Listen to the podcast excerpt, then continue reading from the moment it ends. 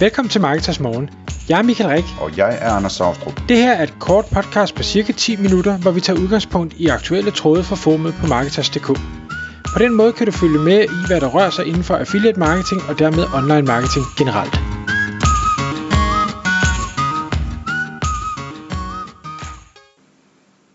Godmorgen Michael. Godmorgen Anders. Så er det Marketers morgentid, og jeg kan forstå, at øh, den står på havearbejde i dag. I hvert fald så, øh, så skal du ud med riven. ja, ja, måske. Men jeg vil egentlig hellere, jeg vil hellere tage vinklen, der hedder, at jeg... Jeg tror, det var Jim Rohn, en, en øh, personlighedsudvikler, øh, nu afdød, men som, som jeg har læst meget af og lyttet meget til, som øh, sagde noget med, don't get øh, frustrated, get fascinated. Så jeg prøver altid, når jeg er i dialog med nogen, at og tage ja-hatten på og lade mig fascinere af den feedback, jeg får. Og hvis jeg lige skal prøve at, at kridte banen op her, så jeg er i dialog med rigtig mange e-commerce virksomheder øh, på ja, daglig basis. Og jeg forsøger altid at spørge ind til udfordringer, bekymringer og også meget gerne grave, grave dybere, sådan så at det ikke nødvendigvis den første forklaring, jeg får, der er øh, svaret. Øh, jeg, vil, jeg vil gerne prøve at, at sige, er, er der noget underliggende til, til det, du lige har svaret her? Fordi det var måske det nemme svar, men, men hvad, hvad påvirker det længere ned? Er det fordi chefen presser dig, eller, eller hvad kan det være? Og jeg snakkede med den her øh, webshop. Jeg, øh, jeg kom i dialog med dem gennem en, øh, en bekendt. Og ved, at de på et tidspunkt har haft et affiliate-program. Det er en, det er en rigtig stor dansk øh, e-commerce virksomhed, og, og gør det super godt. De har haft et affiliate-program, og det havde de lukket ned på et tidspunkt. Så det jeg var nysgerrig efter at, at finde ud af, det var, hvor, hvorfor blev det her affiliate-program lukke ned. Øhm, selvfølgelig for at finde ud af, er der, er der en, synes jeg, der er en god grund. Øh, jeg er med på, at de synes, der var en god grund, for ellers havde de nok ikke gjort det. Men så prøv at forstå, hvor, hvorfor gjorde de, som de gjorde, sådan så at jeg er bedre rustet i det arbejde, jeg laver. Og jeg, jeg, var, jeg var faktisk ved at afslutte, øh, og jeg tror egentlig, jeg vil starte med det, selvom jeg har skrevet det nederst på min øh, liste. Jeg var faktisk ved at afslutte samtalen efter, jeg tror, vi har talt sammen fire minutter og, og det er okay. ikke normalt. Øhm, og, og, og den jeg talte med øh, så også lidt underliv i hovedet, da, da jeg sagde det. Fordi vedkommende sagde, at øh, ja, men de havde, de havde besluttet at øh, blandt andet beslutte at stoppe med at arbejde med affiliates, fordi affiliates gør det jo kun for at tjene penge. Ha. Og, og, og, og så sad jeg bare og tænkte, og så meget underliv i hovedet, tror jeg, øh, øh, ja, Altså, og jeg tror også, jeg svarede, jeg tænker også, at du går på arbejde, fordi du får løn. Jeg er ikke sikker på, at du mødte op i morgen, hvis du ikke fik løn mere. Så jeg forstår ikke helt argumentet. Det, det er jo hele konceptet, at de tjener penge. Det er jo derfor, de arbejder. Jamen, hvad med the why? ja, ja, hvad med the why? Er det rigtigt? Øhm, så så jeg, jeg fortsatte samtalen, men, men der var jeg lige ved at sige, at jeg, jeg, jeg, jeg behøver faktisk ikke, vi behøver ikke snakke mere sammen. Fordi hvis det er det, der er udfordringen, så, så kan vi alligevel ikke nå videre. Så, så tror jeg bare, at vi skal gå hver til sit. Så, men hvis vi lige prøver at, at sætte den til side og sige... Det, det, det, så bliver synes, du fascineret i stedet. Så, så bliver jeg fascineret og siger, okay, så lad os prøve at grave videre. Så det næste spørgsmål, jeg stillede, eller nej, den næste forklaring, jeg fik, øh, bekymringen var, og, og det er en reel bekymring, som jeg hører øh, mange have, det er, at de siger, jamen, øh, når jeg arbejder med affiliates, så er jeg bange for, at det salg, de skaffer til mig, er et salg, jeg havde fået alligevel. Jeg tænker, den har du nok også hørt i, i partnerregi. Ja, altså det er jo, hvad hedder det, uanset hvilken marketingkanal man snakker om, så kan man stille det samme spørgsmål, ikke? Lige præcis jeg, jeg hører bare oftere, at folk stiller det i forhold til affiliates end, end Google-annoncering eller Facebook-annoncering. Men, men vi er helt enige, at man kan stille det om alle marketingkanaler. Øhm, så det var ligesom bekymringen, og, og, og den vil jeg gerne vide mere om, fordi der er mange, der har den bekymring. Samtalen fortsætter så med, at vedkommende siger, øh, vi konkluderede, at vi havde ret, at vi havde fået salget alligevel, fordi da vi stoppede med affiliate og lukkede programmet, så kunne vi ikke se, at det påvirkede vores omsætning. Og så tænker jeg, okay, jamen altså, det, det lyder jo som en, en valid konklusion, at, at hvis du stopper med noget, og det ikke påvirker din omsætning, jamen så har det jo nok ikke haft nogen effekt. Eller du havde nok fået salget alligevel. Men jeg valgte så at, at spørge yderligere og sige, jamen dengang... Ja, det skal lige præciseres. Ja. Det er jo, fordi det er, jo, det er jo faktuelt rigtigt, at det så ikke har haft nogen effekt, formodentlig. Men, hvad hedder det, det du mener, det er, at, at, at øh, nu, nu taber jeg tråden her, det, det viser, ah, Okay, lad, lad, lad os tage et eksempel. De, de har haft en, en årlig omsætning på en million, øh, og man slukker for øh, affiliate-kanalen, og man bliver ved at have en omsætning på en million. Det var det, de oplevede.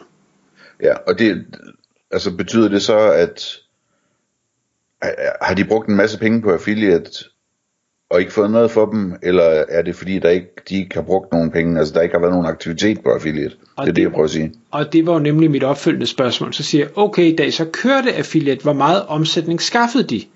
Jamen, de skaffede ikke noget. Og så, er det, og så kunne jeg simpelthen ikke så fløjt ud af mig, og det var jo ikke pænt, for jeg skulle bare være fascineret. Jeg skulle ikke, øh, så siger jeg, men så er det jo klart, at I ikke kan se nogen effekt, for hvis de ikke kan skaffe noget, og I slukker for det, så, så ja, påvirker det jo ingenting. Men, og, og der var det, der, der sad jeg, og, og der har jeg den her med, nej, jeg skal bare være fascineret, jeg skal ikke være øh, uddannende. Men, men, men jeg, jeg, jeg havde en snært alligevel af at sige, det, det var da et underligt argument at bruge, når, når der slet ikke var noget, der var i gang. Altså, så, så, så det er ikke en konklusion, det er ikke et validt argument. Nå, okay, næste det, var en ret spændende samtale, jeg havde her. Så snakkede vi om øh, Google Shopping.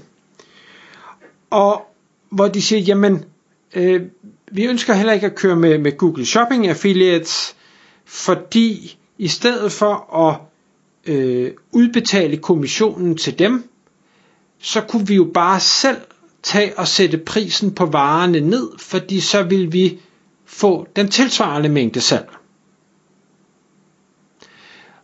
og, igen, jeg, jeg kan godt sådan teoretisk i hvert fald forstå regnestykket, det skal nok regnes efter, øh, men, men den kommission, man giver til affiliates, hvis man sætter det ned i, i priserne, jamen, så vil man formentlig øh, kunne konvertere bedre og, og øh, få flere klik og ting og sager på, på Google Shopping.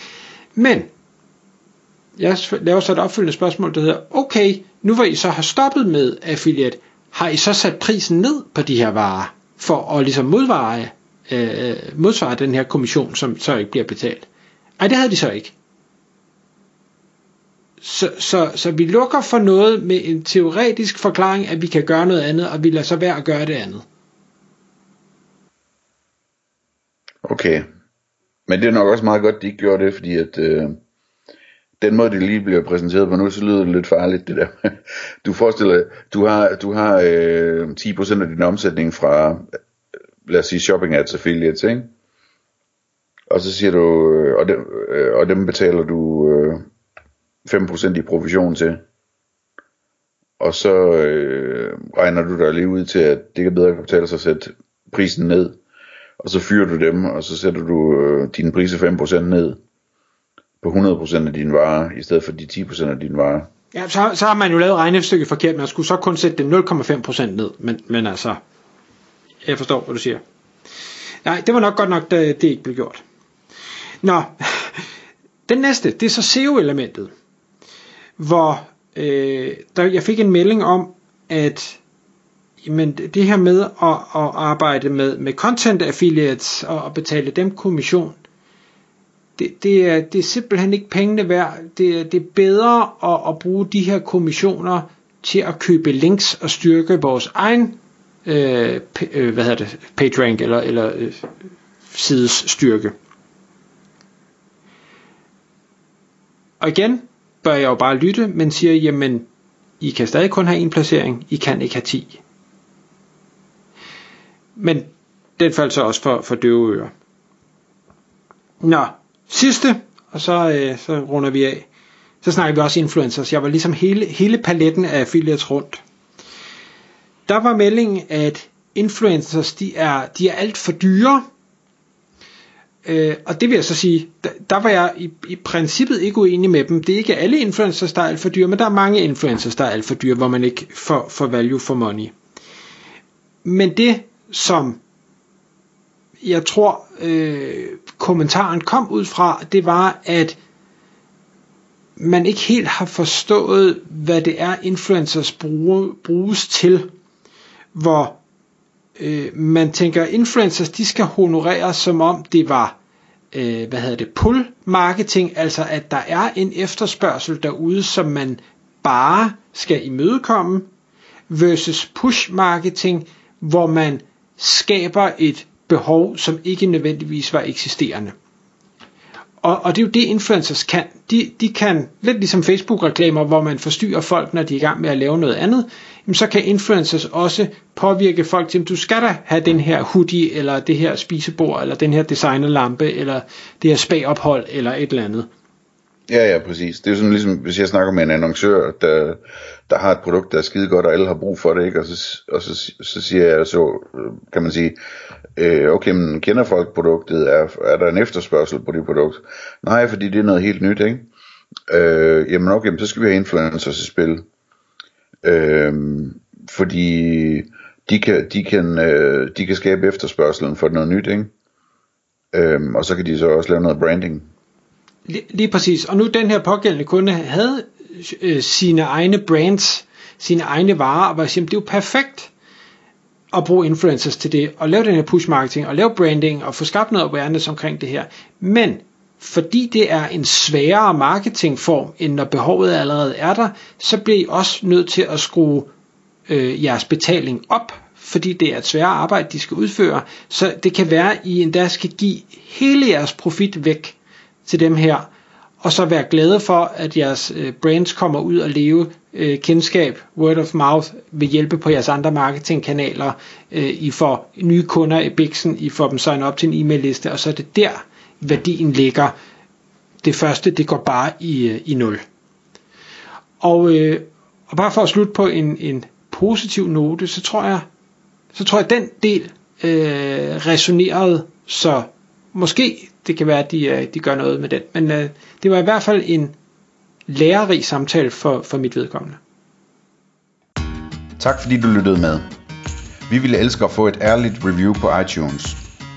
Hvis du skriver dig op til vores nyhedsbrev på marketers.dk-morgen, får du besked om nye udsendelser i din indbakke.